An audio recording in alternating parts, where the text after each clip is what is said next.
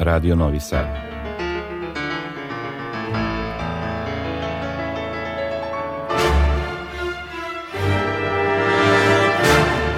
Domaća muzička scena.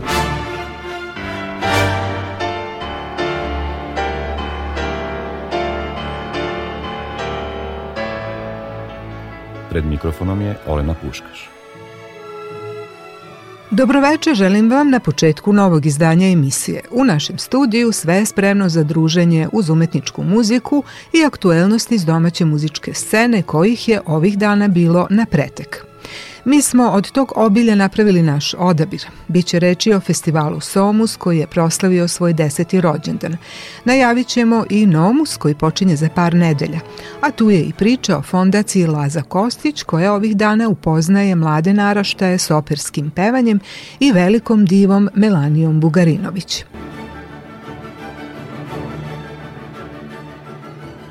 Večeras počinjemo od Vasilija Mokranjca i njegovih sedam etida za klavir. Podsjetiću da je prvi integralni snimak ovog ciklusa napravio britanski pijanista Pierce Lane 2003. A njega je s tim minijaturama upoznala naša pijanistkinja Marina Milić-Radović, koja se inače, osnivajući 1991. u Londonu fondaciju Laza Kostić, mnogo zalagala za promociju naših umetnika u svetu.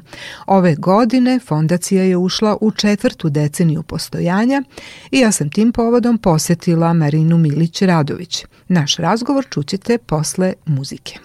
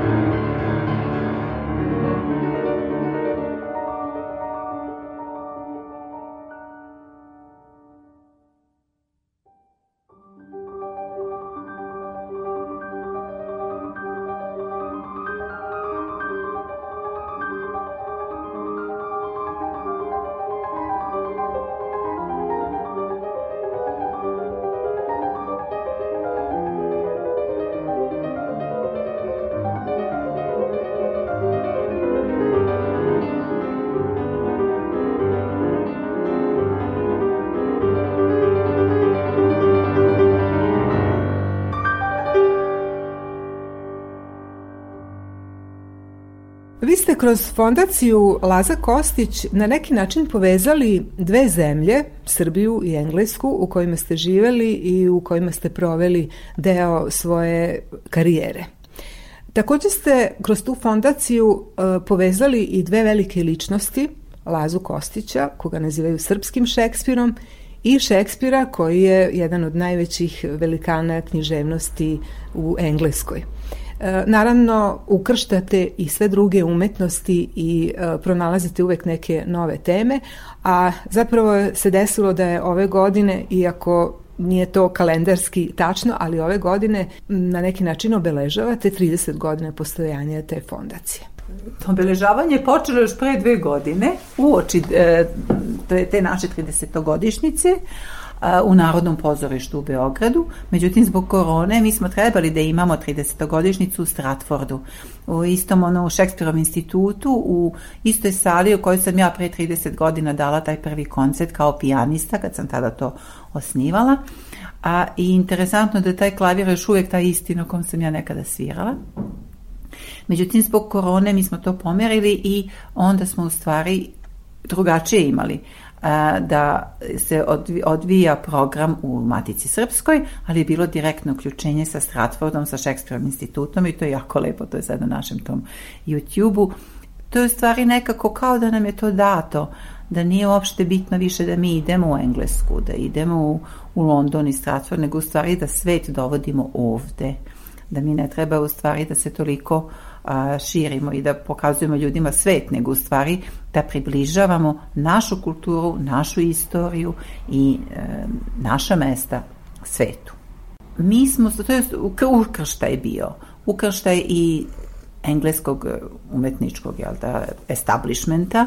Julius Drake, jedan od najvećih, ako ne i najveći pijanista, saradnik na svetu za zapevače, ali on je nama zaista moj bliski prijatelj još pre 20 godina nastupa u Londonu i to je divno. Mi smo po njemu u stvari ciljali koji datum možemo da e, rezervišemo još pre godinu dana, zato što je on neverovatno zauzet i stalno putuje od Amerike, Australije, po Evropi i tako dalje, na najprestižnijim festivalima, znači Julius Drake, to nam je značajno bilo, ali meni isto jako bitno bilo da, na primjer, naš Vites fondacije Radoslava Vorkić-Žuržovan i Pamela Kiš, Ignjatov koje su već godinama pri fondaciji mi pokušavamo da, da im otvorimo vrata, da u stvari Julius Drake čuje njih i da sa njima sarađuje. To je jako velika stvar, ne samo to, nego on je posle toga održao jedan jako lep razgovor sa Milanom Miladinovićem na akademiji o tom koja je to pozicija klavirskog saradnika danas,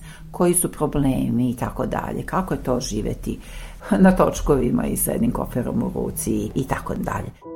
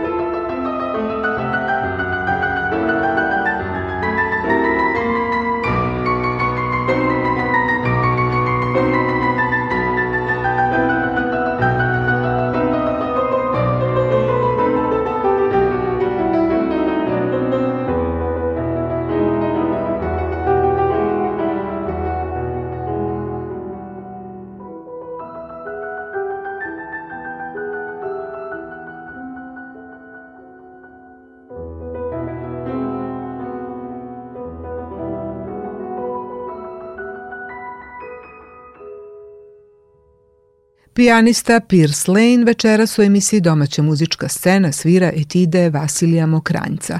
On je u organizaciji fondacije Laza Kostić svojevremeno gostovao i u našoj zemlji, a direktorka te organizacije Marina Milić-Radović osvrnula se na ovogodišnji februarski program kojim je obeležena 30. fondacije.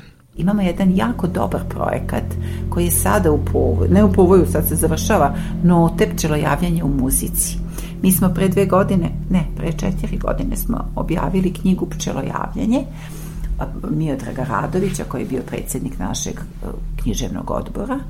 On je on se tri decenije bavio pčelama i to je u stvari jedinstvena antologija kod nas um, e, koja u stvari se e, obuhvata pčelu u svim mogućim i presicima i vremenskim i uopšte svetskoj literaturi. Međutim, ono što je interesantno jeste da kod nas u našoj muzici e, klasičnoj muzici, umetničkoj muzici, niko se nikada nije bavio pčelom kao temom. I to smo se mi začudili, ja sam čak pitala moju koleginicu, prijateljicu Milicu Stojadinović, ona je jedan dan ceo provela tragajući za notama, Ne, samo se negde kod Konjovića pčela samo pojavljuje u jednom stihu i to je to. Onda smo shvatili da u stvari pčela nije bila interesantna našim kompozitorima i zbog toga smo angažovali Doroteju Vejnović i Ljubomira Niko, Nikolića, koji su fantastični mladi kompozitori, koji su koristili ovu knjigu Pčelojavljanje da to bude tema za njihove kompozicije. Imamo sada note koje samo što nisu izašle, pčelojavljanje u muzici. E sad to je vrlo interesantno, tu smo mi pioniri, zato što imamo kompozicije inspirisane pčelom a, za glas i, i klavir.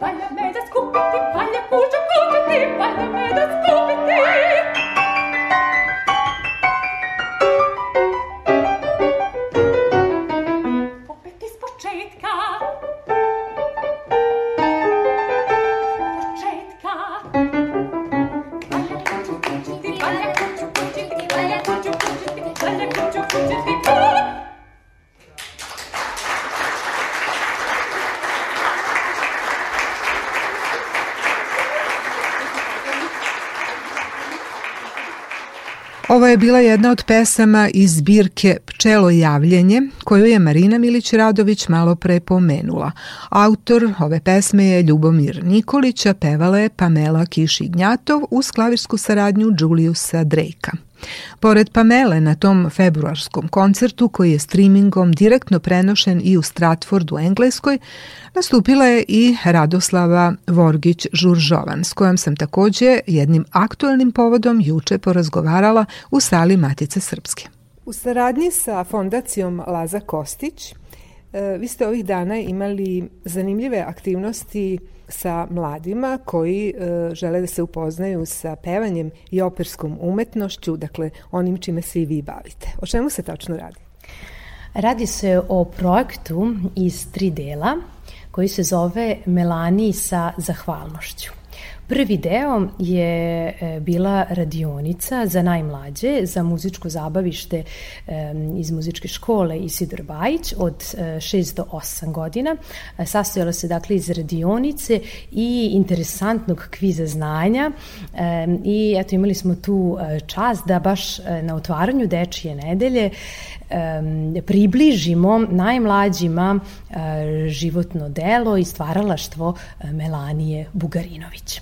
E, drugi deo se sastoji iz majstorskog kursa za solo pevače um, pod nazivom isto Melani sa zahvalnošću i um, on je dakle za uh, solo pevače um, postoje konkurs i odebrali smo šest najboljih, bilo je velikog interesovanja, ali eto skratili smo onako e, najuži krug, od toga e, četiri je dobilo stipendiju, um, odnosno poklon kurs, a um, imali su zadatak da napišu osim e, svoju biografiju i snimak, da napišu i motivacijono pismo uh, sa parametrima zašto baš ovaj majstorski kurs, zašto Melanija Bugarinović, takođe uh, Laza Kostić i Marija Trandafil. Dakle, širimo neko, da kažemo, svest um, da solo pevači nisu samo oni koji pevaju, nego prosto da znaju um,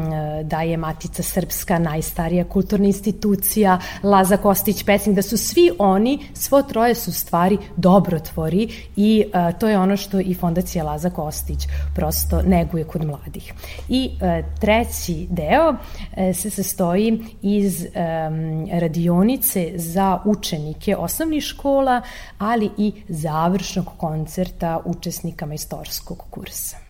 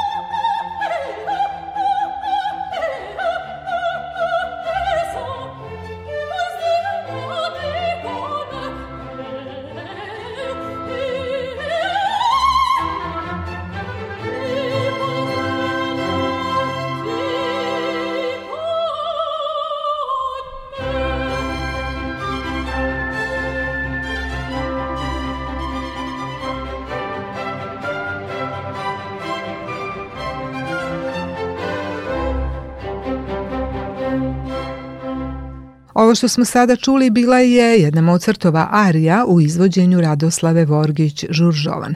Zapis je načinjen pre nekoliko meseci na svečanom koncertu nekadašnjih štićenika iz fonda Melanije Bugarinović koji su nastupili uz Vojvođanski simfonijski orkestar.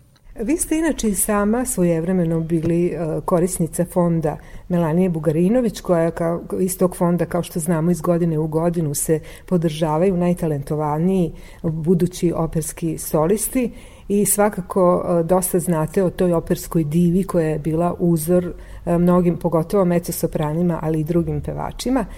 Dakle, da krenemo evo od najmlađih kako je prošlo 3. oktobra u, u e, sali muzičke škole upoznavanje sa tako jednom umetnošću koja sigurno tom uzrastu nije bliska. E, e, nije bliska, međutim, zaista ja mogu da kažem da su bile pametnice ovaj, na radionici, odnosno da prosto muzičko zabavište tačno se vidi da pod jedan voli muziku, voli da peva, dakle svi oni pevaju i prosto ipak znaju o muzici već dosta.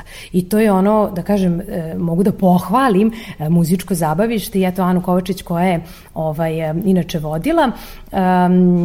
Ta, tu grupu e, i oni su zaista bili sjajni. Bilo je dosta dece, jedno pa preko četrdesetak I ovaj, ali svi su slušali i kad smo rekli nagradni kviz, tek onda je još bilo veća onako koncentracija. Na kraju sam im ja nešto otpevala, ali mislim da smo im e, dobro preneli uh, delo i stvaralaštvo Melanije Bugarinović, onako neke osnovne parametre, prosto da znaju da je ona ipak prva srpkinja koja je uh, imala stalni angažman u Bečkoj operi. To je bila čak četiri godine. Zaista, pogotovo u ono vreme je to bilo, a mogu misliti sada.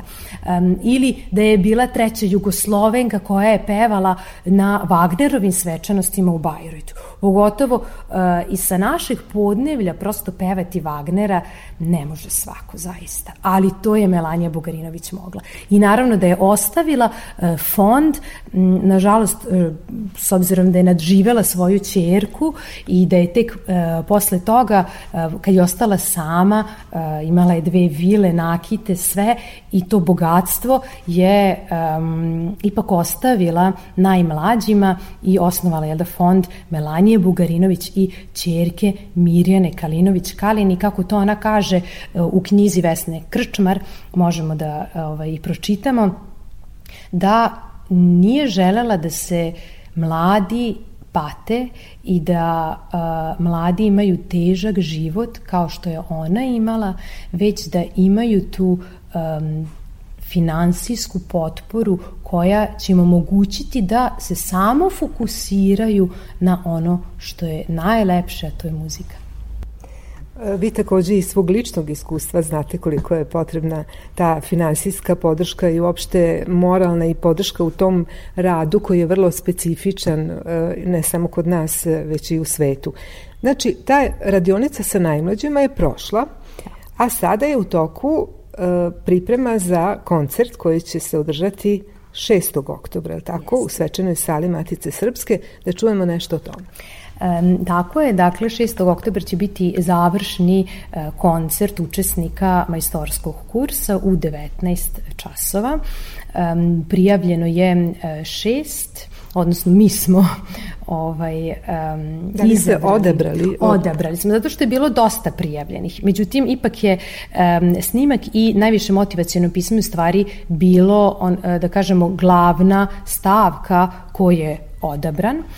Um, I evo, sada, danas je prvi uh, čas, tako da ćemo ovaj, i videti zaista to su mladi talenti, imamo uh, od onih najmlađih koji su tek krenuli, sa 15 godina imamo jednu ovaj, um, učenicu, um, ali imamo i one koji su završili um, master solo pevanja i oni koji su još studenti, ali i učenici ovaj, i muzičke škole Isidor Bajić i studenti Akademije umetnosti u Novom Sadu.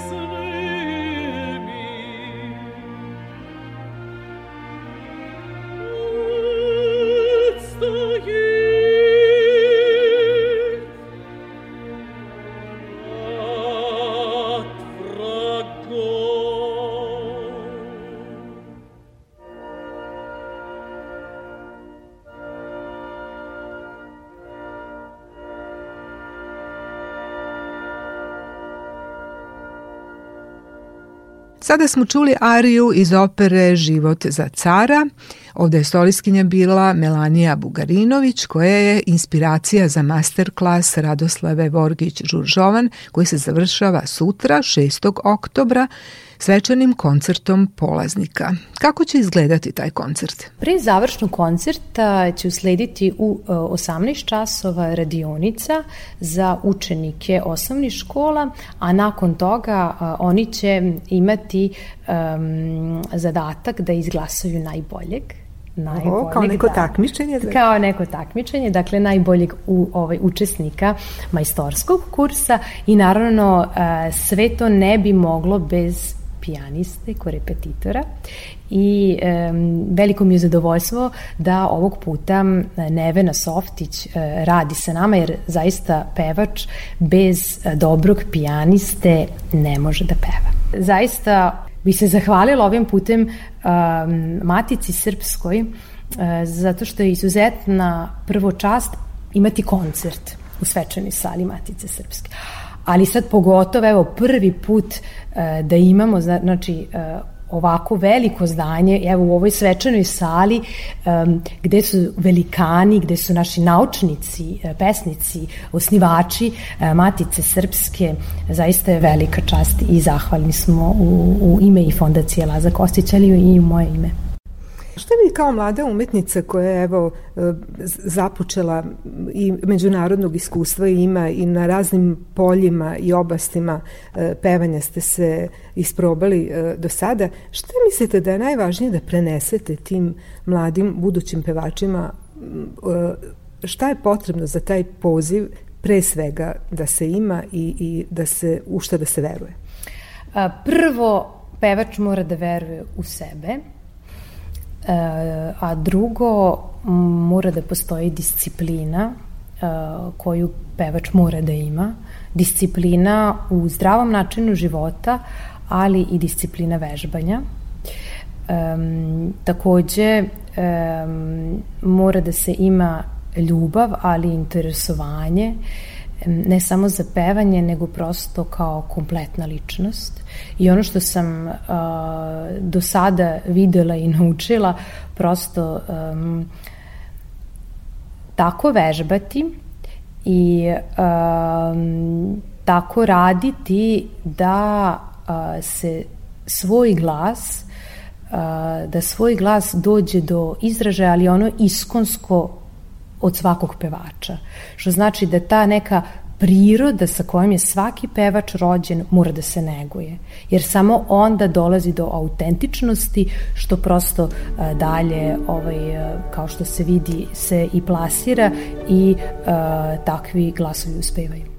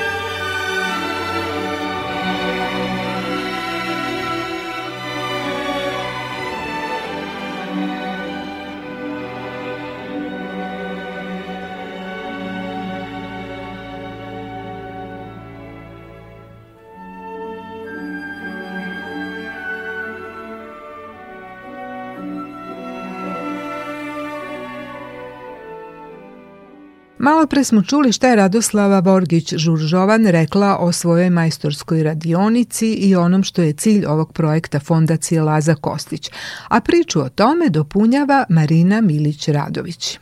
Ovaj kurs je nešto što smo hteli još pre dve godine da uradimo u Novom Sadu. Mi smo imali 2019. godine u Muzeju Narodnog pozorišta To je bilo božanstveno, zato što to je bila godišnjica Narodnog pozorišta. Oni su obeležavali svoju godišnicu, a inače Melanija Bugarinović je pevala um, baš za 50 godina Narodnog pozorišta. I kažu da se nikad u životu nije pojavio takav red gde je bilo tapkaroša. Ljudi su čekali satima e, i tapkali karte za njenu tu poslednju predstavu, ta poslednja njena predstava je bila u stvari i obeležila e, i Narodno pozorište.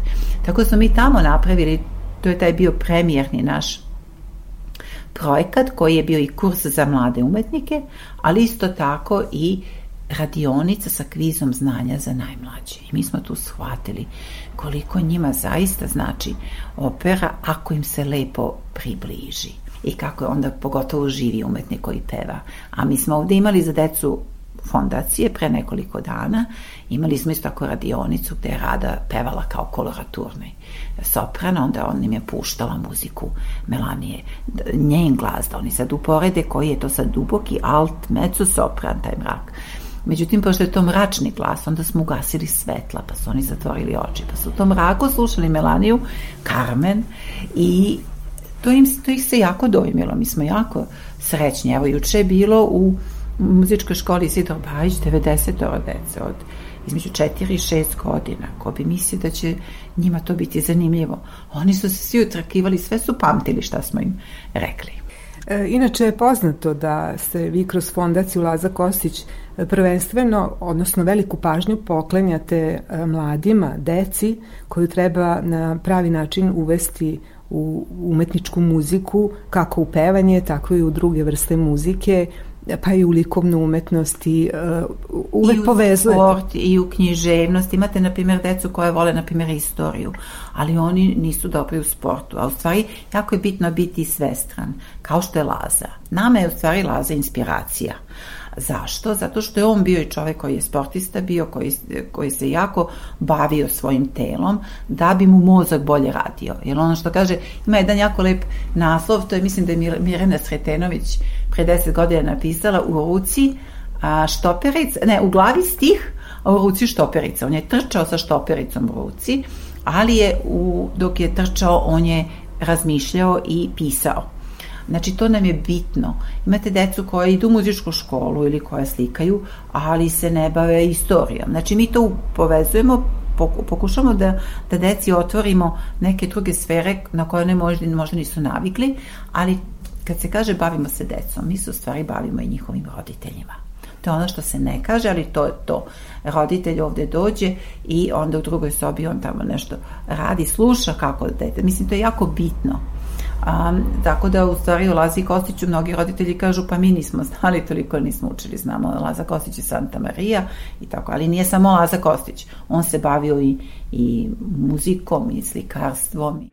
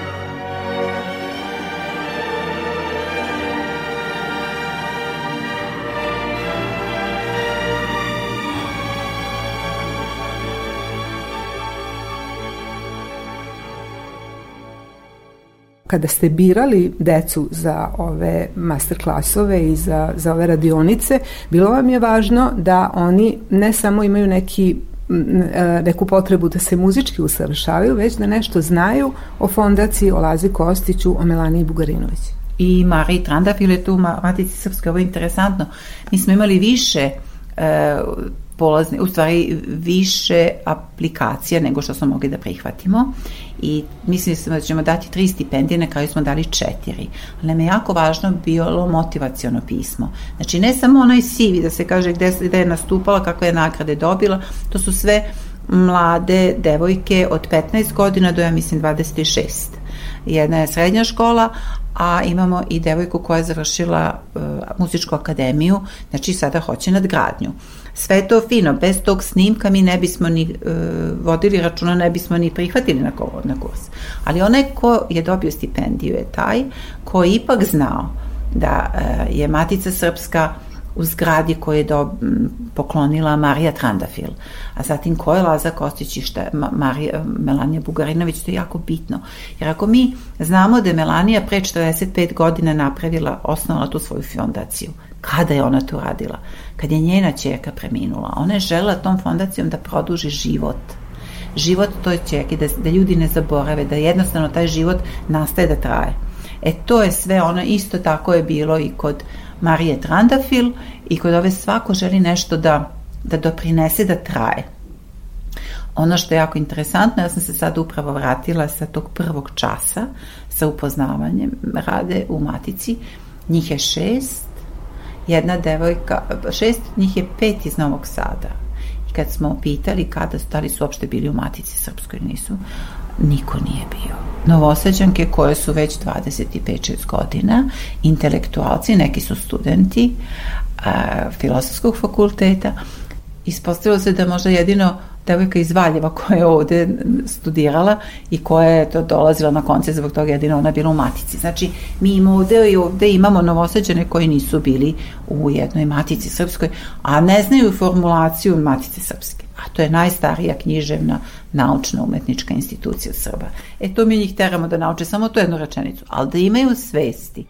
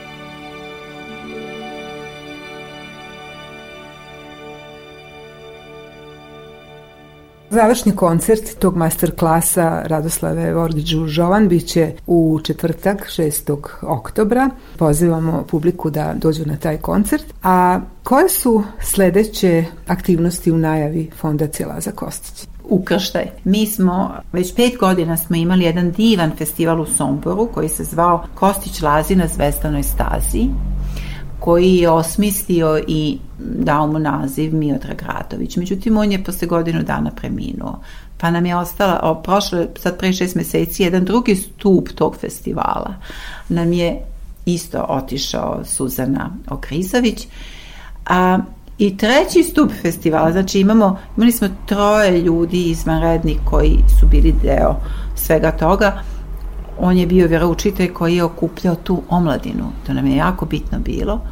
On je otišao u manastir. I na kraju se ispostavilo kako mi sada nastavimo taj festival u Somboru, a Sombor smo uzeli zato što je Laza tamo živeo, oženio se s Julijanom Palanački uh, i tamo i sahranjen.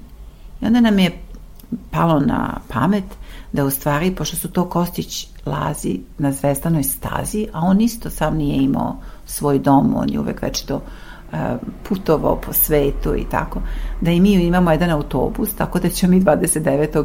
oktobra krenuti iz Beograda, idemo iz, izuzetan autobus, da idemo do Struganika, do uh, rodne kuće Živojna Mišića. Inače, e, mi imamo jedan let i znamo da odemo izlet u Beogradu, pa idemo po um, spomenicama, obilazimo spomenike značajnih ljudi. Živojin Mišić je odmah njegov spomenik tamo na Novom groblju kod Melanije Bugarinović. to je vest. Ali ono što je interesantno jeste da ona je bila prva srpkinja koja je pevala u Bečkoj operi. A Bečka opera je obložena kamenom iz Struganika. A Struganik... I mi kad idemo tamo mi prolazimo razne kamenolome dok ne dođemo do kuće Živojina Mišića. Njega su zvali ovaj kamen kremen. Znači to su ti ljudi odana hla, ovaj, jako čvrsti. Tako da to obilazimo, imamo još i neke i muzičke, ne, muzička iznenađenja i taj autobus su u stvari naše te zvezdane staze Kostić Laze. Znači mi se sad pokrećemo van Sombora, tako je, mi se stvari pokrećemo kako nam se da.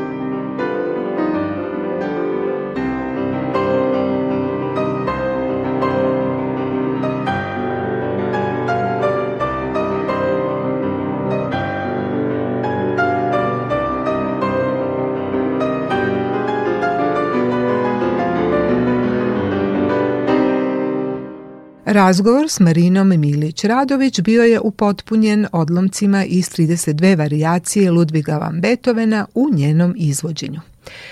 Vi ste na talasima Radio Novog Sada. U toku je emisija Domaća muzička scena koju sada nastavljamo osvrtom na festival Somborske muzičke svečanosti koji je trajao od 30. septembra do 2. oktobra i protekao u znaku proslavljanja desetogodišnjice postojanja manifestacije koju je nakon višegodišnjeg prekida obnovio pijanista Somborac Mihajlo Zurković. Otvarajući u svečanoj sali gradske kuće ovogodišnje izdanje, on je rekao rekao. Za razliku od prethodnih puta gde smo prosto imali jednu temu po kojoj smo koncipirali festival, ovaj put to nije slučaj. Kada slavite neki rođendan, pa i ovako mali, ali nama jako značajan, onda pozovete dragi ljudi i prijatelje. I jedini koncept ovogodišnjeg festivala jeste da se pozovu ljudi koji su više puta dolazili svojom muzikom, emocijama, nesebičnim davanjem načinili od ovog festivala ono što on danas jeste. Podsjetit ću vas da je Aleksandar Saša Mađar gostovao dva puta, ovo će mu biti treći put. Bojan Zulfi Karpašić takođe dolazi po treći put u Sombor, Mate Bekavac po četvrti put, Majred Hiki Per Rundberg po drugi put, Sonja Šarić po drugi put, Zoran Krajišnik, Laura Leva i Aksin po drugi put. I ta ideja se iskristalisala i bila moja neka misao vodilja, u stvari imao sam jako lak zadatak kao umetnički direktor festivala.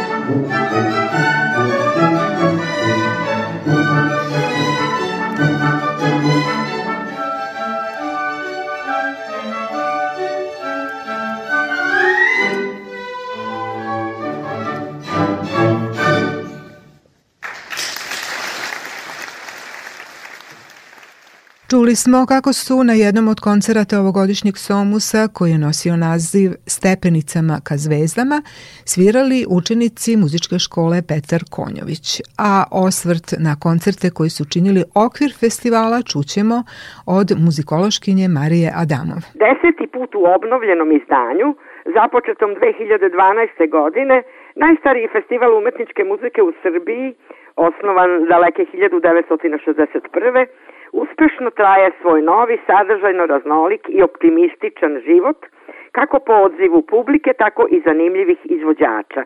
Zahvaljujući inicijativi, umetničkom vodstvu i selekciji pijaniste Mihajla Zurkovića, našeg uglednog pijaniste i redovnog profesora Novosadske akademije umetnosti, Somus je posle duge pauze ponovo uspeo da animira brojne izvanredne domaće muzičare, neke poput klarinetiste Mate Bekavca i iz Republika ex-Jugoslavije, ali i njihove kolege i saradnike iz inostranstva, kao što je Aleksandar Mađar, koji su i sami vezali veći deo karijere ili godišnjih radnih obaveza za druge zemlje.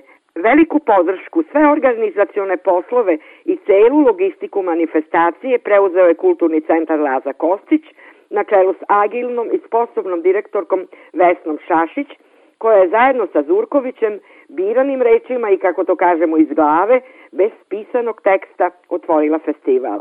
Lepo običaj da se svako veče otvori s uvodnim taktovima veličanstvene klavirske kompozicije Odjeci Vasilija Mokranjca, koju je autor posvetio pijanisti Dušanu Trbojeviću, osnivaču Somusa pre 60 godina, poreklom iz Sombora, kao i njegov mladi sledbenik Zurković, poštovan je svaki od četiri večeri, izbrojavši, ako računamo s dnevnim i kasnim predpolnočnim koncertom, ukupno sedam programa. Večeras ćemo posvetiti pažnju okvirnim festivalskim danima, prvom i četvrtom, a ako nam prostor dozvoli, kasnije ćemo prokomentarisati i ostale sadržaje. Prvi koncert ovogodišnjeg jubilarnog festivalskog izdanja po novoj koncepciji i konstelaciji bio je poveren Aleksandru Mađaru, koji preko majke takođe vodi poreklo iz ovog lepog grada, i njegovog engleskog kolege, sjajnog violončeliste Adriana Brendla. Program je započeo pijanista, varijacijama na popularnu elizabetansku temu Walsingom za klavsen, odnosno virginal engleskog renesansnog kompozitora Williama Berda, postupno sve raskošnije ukrašavajući, obogaćujući i osvetljavajući različitim zvukom osnovnu temu, da bi variacioni niz zaokružio potpuno prozirnom sonornošću. I upravo je ona najavila gotovo ataka spojen, transparentno ozvučen, recitativni početak Debisijeve sonate za violončelo i klavir. Slušajući mnoge izvanredne violončaliste različitih generacija, godinama prisutne i na Novosadskom i Beogradskim koncertnim podijumima, možemo reći da je umetnost interpretacije Adriana Brendla donela jedno veliko osveđenje i da on u svojoj 46. godini pripada plejadi onih najvećih izvođača. Prikazivanje elemenata fantastike putem neobičnih instrumentalnih efekata otkrilo je i poreklo autorova inspiracije za drugi stav u komičnim likovima renesansne komedije i impresionističke mozaičnosti u finalu. U celini osvetljen visoki interpretativni i imaginativni nivo obojice umetnika, potom je dokazan i u fantastičnim komadima Roberta Šumana, upravo kako su i zamišljena tri nevelika stava međusobno povezana bez pauze i ubrzavajućeg tempa, ovaj besprekorno uigran, poetski nadahnuti i veoma kompatibilan duo izlio je u široko i intenzivno raspevanoj romantičarskoj melodiji, održavajući pritom prilično jedinstveno raspoloženje.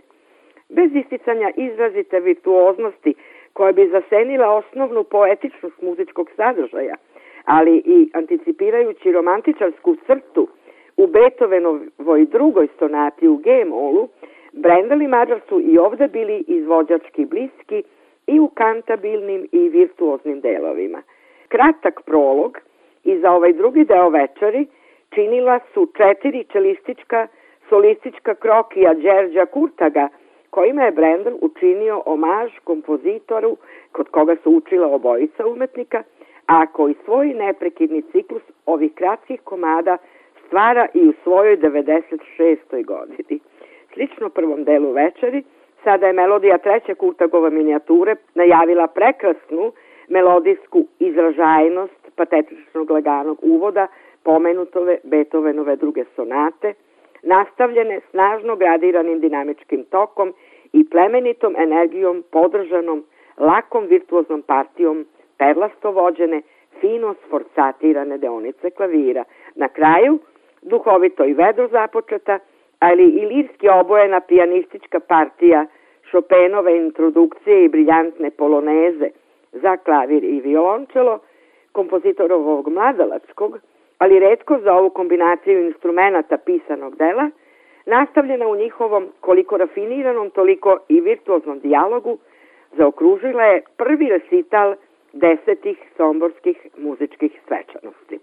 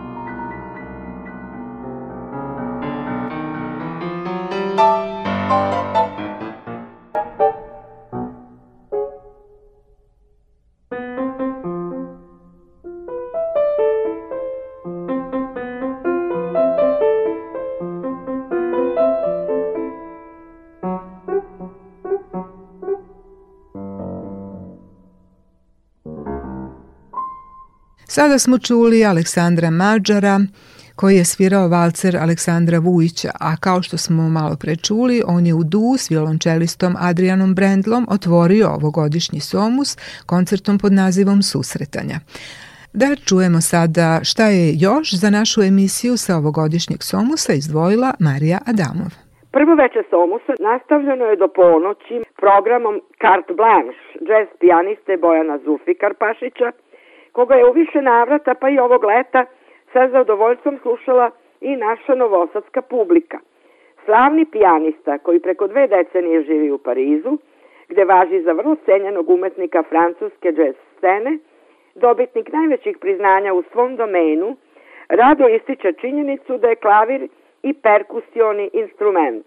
Na Somborskoj festivalskoj večeri, povezujući ga s elektronikom i svetlosnim efektima, očaravao je svojim izuzetnim darom za improvizaciju, ali i nastojanjem da i ovog puta dokaže da u prvom redu vodi računa o kompoziciji i sadržaju u odnosu na virtuoznost svog sviranja. Za mnoge zanimljivo iskustvo praćanja improvizacionog postupka, posebno kod razvijanja poznate teme ili na licu mesta kreirane ideje, donelo je zadovoljstvo mnogim posetiocima koji su s oduševljenjem i radošću pozdravljali jednog od najvećih jazz pijanista poteklih s ovih prostora koji rado nastupa u domovini. Između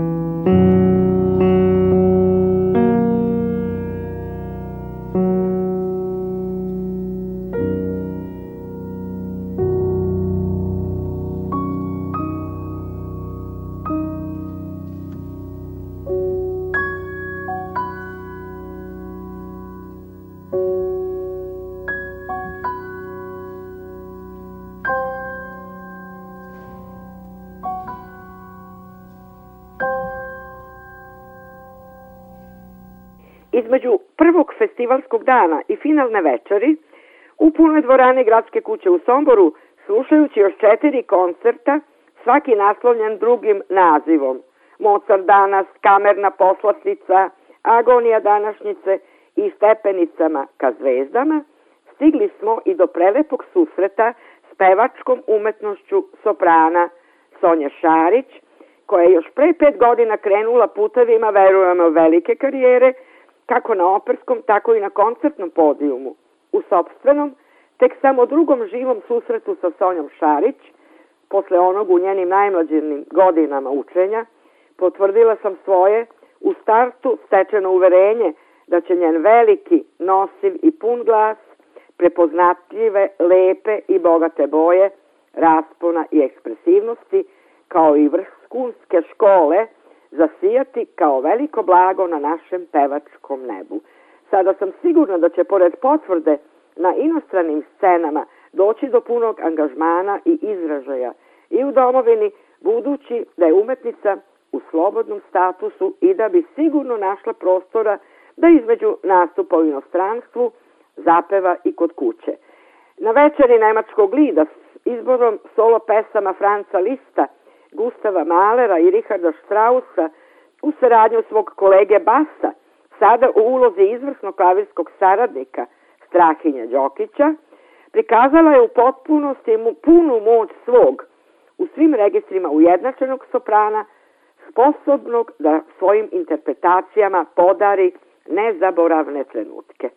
Školovana u Nemačkoj, u klasi čuvene profesorke Snežane Stamenković, srpskog porekla, pa i zbog toga savršenog izgovora nemačkog teksta, Sonja Šarić je u svakoj pesmi prikazala ne samo razgovetnost dikcije i odličnog razumevanja sadržaja, nego i mogućnosti kontrole u službi izraza.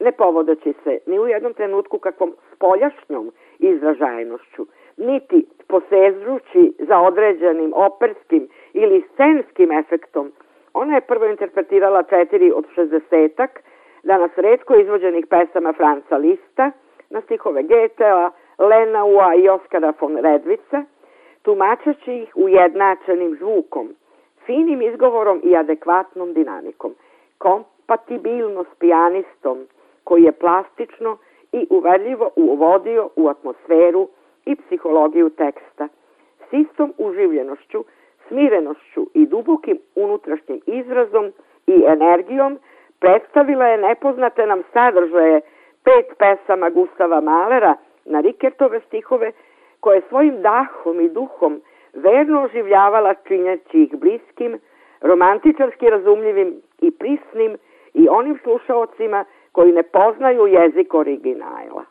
Najzad, opraštajući se sa publikom rodnog grada, koja je poštuje, voli i sa zanimanjem prati njenu karijeru, Sonja Šarić je dirljivo progovorila jezikom mudrosti i spokoja kojim odišu četiri poslednje pesme Richarda Strausa, koji kroz reči Hermana Hesea i Heinricha Harta upečatljivo izražava i saznanje da je sve na svetu konačno, ostavljajući nas u raspoloženju sete i nežnosti, ali i očekivanju novog uzbudljivog susreta kako na koncertnom podijumu, tako i na operskoj sceni.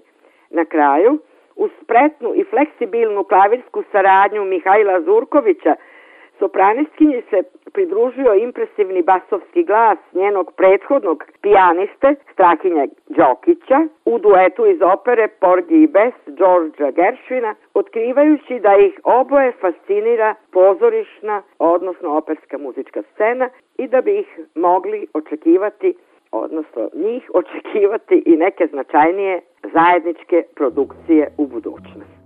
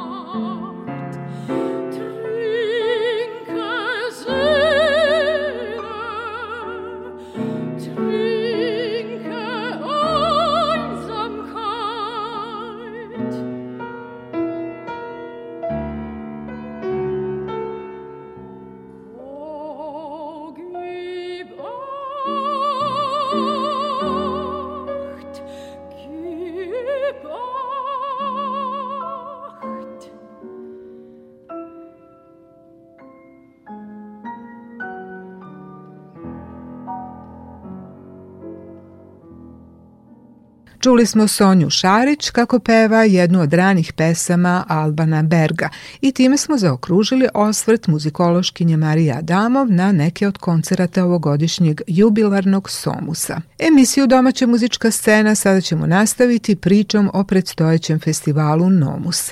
Naime, juče sam u prostorijama muzičke omladine Novog Sada porazgovarala s glavnim i odgovornim urednikom Milanom Radulovićem, koji je detaljno predstavio pripremljen program. Pre toga Podsjetit ću vas na prošlogodišnje svečano otvaranje. Sada već po tradiciji, taj čin je poveren Vojvođanskom simfonijskom orkestru. Dirigent Aleksandar Marković upravo je tada postao njihov novi šef, a kao solista nastupio je Roman Simović. Sada ćemo čuti drugi stav, Skerco iz koncerta za violinu i orkestar broj 1 u D-duru Sergeja Prokofjeva, zabeležen te večeri.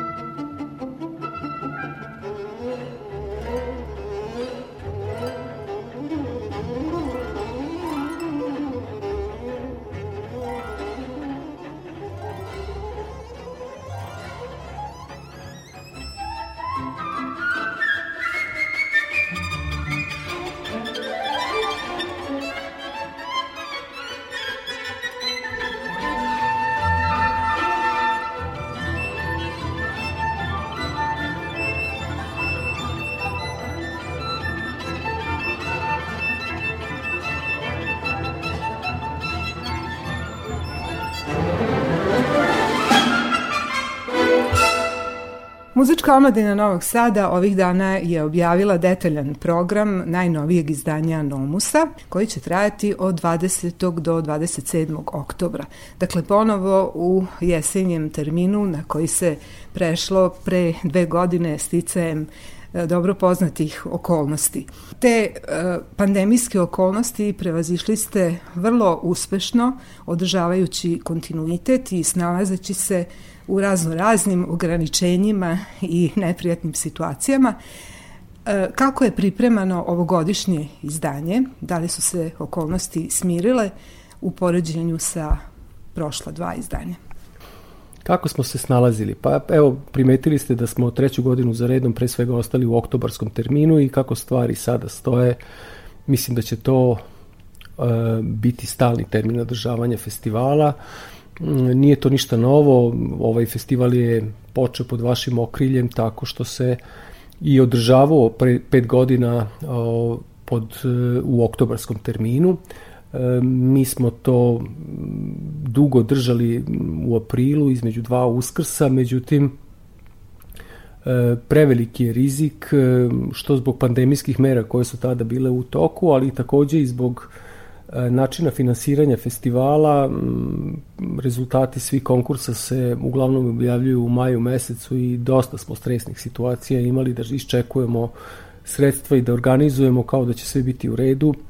Neki put je bilo u redu, neki put nije bilo u redu. Ovo je mnogo komotnije, moram da priznam, što se organizacije tiče. E, naravno, evo i ova godina prolazi u, u nekim problemima, u brigama, pre svega zbog jedne opšte situacije koja je u čitavom svetu. E, iščekivanja da li će se, se završiti e, trebali smo da imamo neke goste koji su trebali da, da dođu iz Ukrajine koji baš zbog ove situacije E, su odustali. Radi se o pijanisti Vadimu Holodenku, pobedniku konkursa Van Cliburn koji je trebao da bude gost festivala, ali prosto odustao je od te priče. E, ja verujem da će ovogodišnje izdanje ponuditi izuzetno dobar, kvalitetan program. To je spoj nekih e, tradicionalnih e, formi koje muzička omladina pre svega neguje, znači na početku i na kraju imamo orkestarske programe, ove godine naravno i u sredini imali smo to i ranije, a sve između je zače, začinjeno e, sa kamernom muzikom, vrhunskom kamernom muzikom ove godine u izvođenju e, vrhunskih interpretatora koji dolaze iz inostranstva nekih svetskih imena, a takođe ima nekih iskoraka, pa tako ove godine imamo čuvenog e, Tunižanina Dafera Jusufa koji će e, nastupiti u Srpskom narodnom pozorištu. Zatim je tu jedan, možemo da kažemo, e, neobičan spoj lutkarske umetnosti i, i tradicionalne, znači uz orkestar Srpskog narodnog pozorišta 25. E, oktobra imaćemo e, čuvenu e, Prokofjev, izvođenje Rome i Julije sa, sa lutkama, španski lutkari su neverovatni i ja verujem da će to biti program koji će privući i one najmlađe, znači evo da kažemo onu već floskulu od 7 do 77 godina.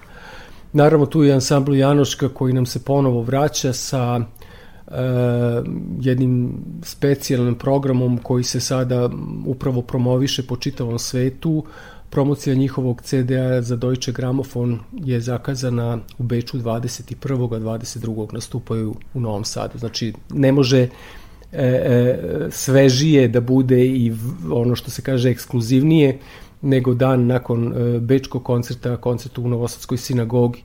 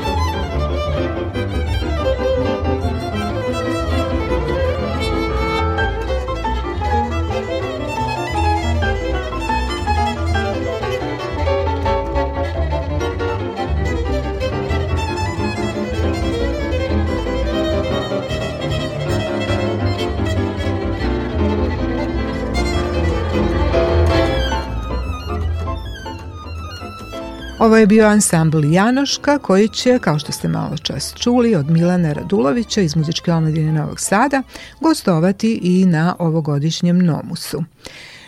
On je prvo istakao najatraktivnije programe koji će svakako interesovati najširu publiku.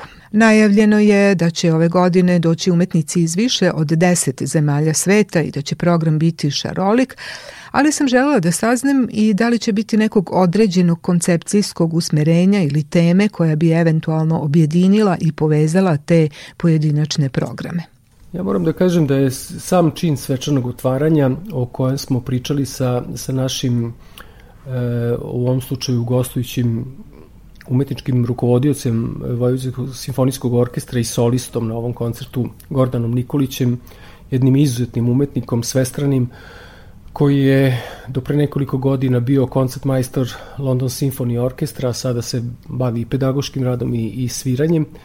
E, kada smo u januaru mesecu počeli priču oko ovogodišnjeg izdanja Nomusa, nekako se nametnula čitava ova situacija koja je trenutno u svetu. Sasvim slučajno. Znači nije bilo nikakvih nagoveštaja da će doći do recimo sukoba u, u Ukrajini e, i na moje veliko oduševljenje Gordan Nikolić je izašao kao sa, sa nekom idejom koja se potpuno ono kao da je predvideo šta će se sve dogoditi i na neverovatan način koncipirao program koji je toliko aktuelan i mislim da, da je to ta prva izvorna početna ideja koja će se preneti na sve ostale koncerte. E, znači, malo pre smo moja saradnica i ja pričali šta je to što povezuje ovogodišnje izdanje Nomusa, da su to vrhunski majstori na žičanim instrumentima. Znači, imate Gordana Nikolića, bivše koncertmajstora London Symphony Orkestra, imate Romana Simovića, aktuelnog koncertmajstora London Symphony Orkestra, imate jedno neverovatno ime u, u liku i delu Antonija Menezesa koji violončeliste koji sada živi u, u Lucernu u Švajcarskoj, ali inače e, brazilski državljanin koji je pobednik e, konkursa Čajkovski, možemo da kažemo daleke 82. godine, ali još uvek sinonim za, za neverovatne i trajne vrednosti e, koje jedan umetnik može da, da, da prezentuje. Umetnik koji je nastupao sa vrhunskim svetskim dirigentima, na brojnim koncertnim podijuma dolazi u Novi Sad i dve večeri će deliti podijum sa, sa Romanom Simovićem i ostalim prijateljima, kako smo već nazvali taj program Romani prijatelji. E, znači, vrhunska kamerna muzika, vrhunska e, dela e, koja je Roman Simović u ovom slučaju odabrao sa vrhunskim umetnicima e, u Novosadskoj sinagogi. Na koncertu Romani prijatelji imaćemo priliku da čujemo Andreja Gugnjina, koji je pobednik jednog velikog svetskog pijanističkog takmičenja. Kažu da postoji tih velikih šest takmičenja, Čajkovski, Chopin, Van Cliburn, e, zatim kraljica Elizabeta. Gunjin je pobednik Sidneja 2016. godine i dolazi nam u Novi Sad. E, nastupit će e, sa, sa Romanom e, Simovićem, sa Antonijom Menezisom prvo veče i to su sve neke prave poslastice kamerne muzike, ako kažemo da ćemo imati Šumen klavirski kvartet na, na, na repertoaru, Fore kvartet, Brahms klavirski kvartet, to su sve stvarno e, neka fundamentalna dela e, literature kamerne muzike.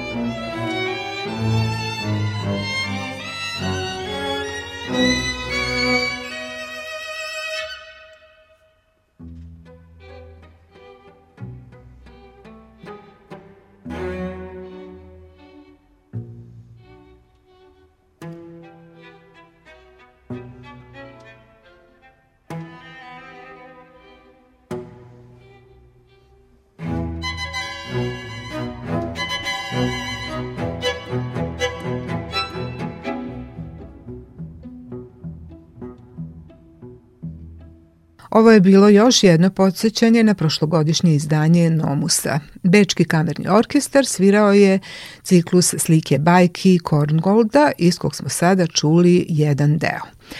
A moj sagovornik Milan Radulović predstavlja nam detalje programa koji nas očekuje od 20. do 27. oktobra i malo čas se osvrnuo na poslastice kamernog žanra i na različite ukrštanja umetnika po čemu je ovaj festival i ranije bio nadaleko poznat. Da čujemo koje su još bile želje organizatora. Takođe smo želeli na neki način da e, tu priču zaokružimo koncertom koji će biti na kraju Simfonijskim orkestrom radio televizije Srbije gde se pojavljuju opet neka draga uh, imena koja su ponikla u ovoj sredini, ali koja su se prezentovala na najbolji način svoje vremeno. Kada kažem ponikla u ovoj sredini, mislim na Tamaru Stefanović, uh, koja je jedna od najcenjenijih umetnica uh, sa ovih prostora u inostranstvu, koja na svom repertoaru neguje u najvećoj meri, ali ne i isključivo, dela savremenih autora, pre svega umetnika, kompozitora 20. i 21. veka, i kažu da je prosto postala ekspert za tako nešto. Ona će na samom e, zatvaranju 27. E, izvesti Bartokov koncert broj 1 za klavir i orkestar, koncert koji nikada nije izveden, koliko ja znam, u, u, u Novom Sadu, a siguran sam da da čak i duže nije izveden ni u Beogradu. Jako smo teško došli do, do, do notnog materijala. Uh, e, pokušavali smo svuda na Balkanu sa svim svojim poznanicima i prijateljima u filharmonijama da obezbedimo, obezbedimo taj notni materijal, nije nam uspelo i na kraju smo bili prinuđeni da ga iznajmimo, a gost, dirigent na ovom koncertu uh, je Timothy Redmond, koga je novosadska publika takođe imala priliku da u dva ili tri navrata upozna, dva puta je bio, koliko se ja sećam, na Nomusu, ostavio sjajan utisak. Ove godine smo ga zamolili da pripremi orkestar i to je nešto što po prvi put nailazimo na tu situaciju. Jedno je kada e, dovodite gostujućeg dirigenta, solistu, pa su vam oni ovde sa vašim orkestrom i sve to možete da kontrolišete ovog puta. Imamo orkestar radio televizije Srbije, sve probe se održavaju naravno u Beogradu i za nas je to jedno novo iskustvo koje je iziskivalo i rezervaciju hotela i rezervaciju proba koja će se odvijati u Beogradu ali na predlog uh, Timothy Redmonda došli smo do jednog sjajnog programa, znači počinjemo sa uh, prelidom za popodne jednog Fauna Debussy-a, nastavlja se sa koncertom za klavir i orkestar broj 1 Bele Bartoka i evo, završava se na jedan, možemo da kažemo, uh, glamurozan način uh, koncertom za orkestar Bele Bartoka. Imali smo prilike da čujemo ovo delo, E, veliki broj muzičara na sceni, negde oko 75 muzičara na sceni Novosadske sinagoge i mislim da će to biti jedna prava zaokružena priča ovogodišnjeg festivala.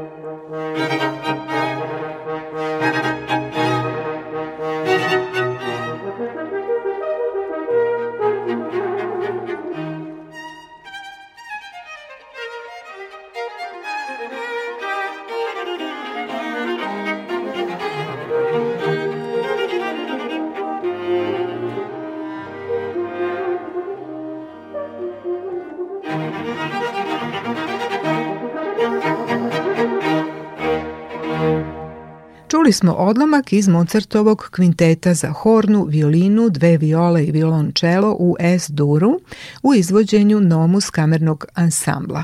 A kako će izgledati njihov program ove godine, otkriva nam Milan Radulović. Naravno, i naši muzičari su tu prisutni. Nomus kamerni ansambl je e, ovoga puta dopunjen, evo da kažemo, sad to više neće biti kvintet, nego će biti sekstet, tu se priključila i Laura Leva i Aksin, naša fenomenalna flautiskinja, verovatno najbolji flautista na ovim preostorima trenutno.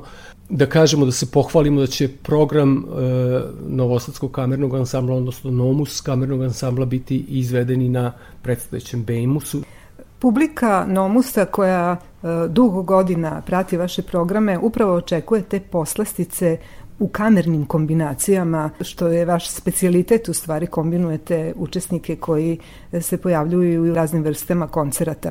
Pomenuli ste dva simfonijska orkestra, e, ako se ne varam, najavljeno je tri orkestra. Da, ovaj, e, rekli smo Vojvođanski simfonijski orkestar na početku, za kraj e, Simfonijski orkestar radio televizije Srbije, a u sredini sa znači 25. 25. oktobra na radost mališana i, i ovaj odraslih e, orkestar opere Srpskog narodnog pozorišta za koji možemo da kažemo da je simfonijskog sastava sa Aleksandrom Kojićem koji se prvi put pojavljuje na, na festivalu Nomus uz španske lut, lutkare izvešće e, Prokofjev, Romeo i Julija, tu će im se pridružiti i Milovan Filipović koji će biti narator i koji će aktivno učestovati sa lutkarima na samoj sceni.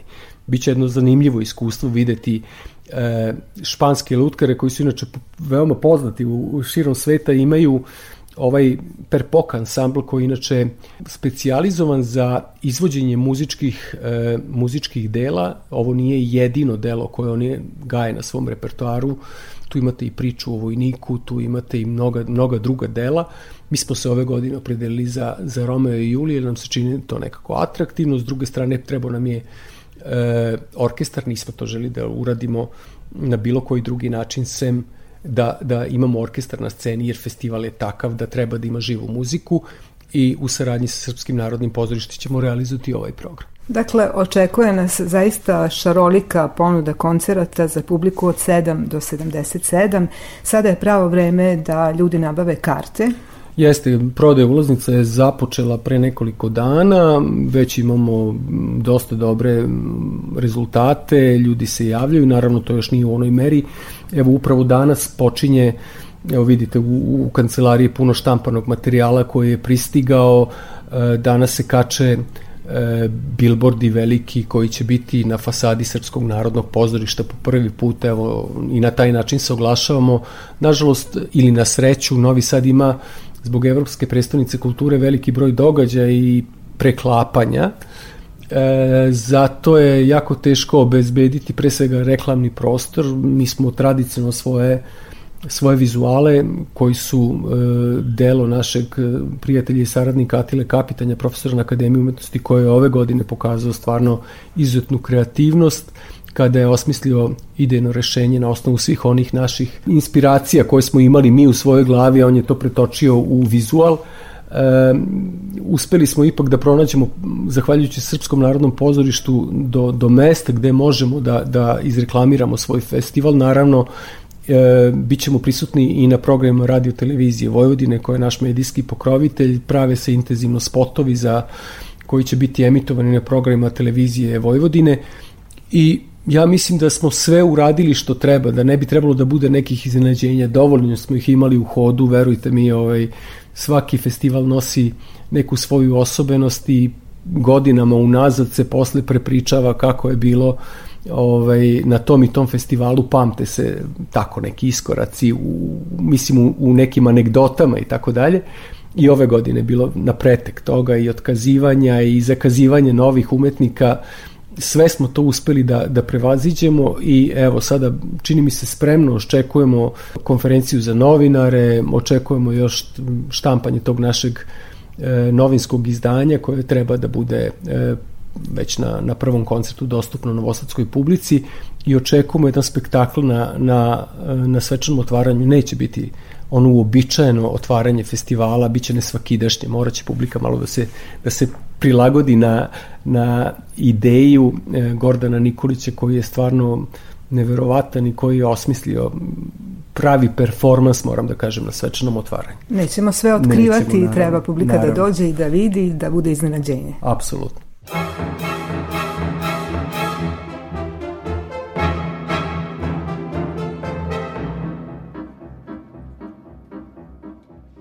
Vojvođanski simfonijski orkestar i muzika Lenarda Benštajna privode kraju večerašnje izdanje emisije Domaća muzička scena. Iz studija Radio Novog Sada pozdravljaju vas ton majstor Violeta Marković i urednica Olena Puškaš. Do sledeće srede kada se ponovo možemo čuti na ovom istom mestu, mi vas pozdravljamo i želimo laku noć.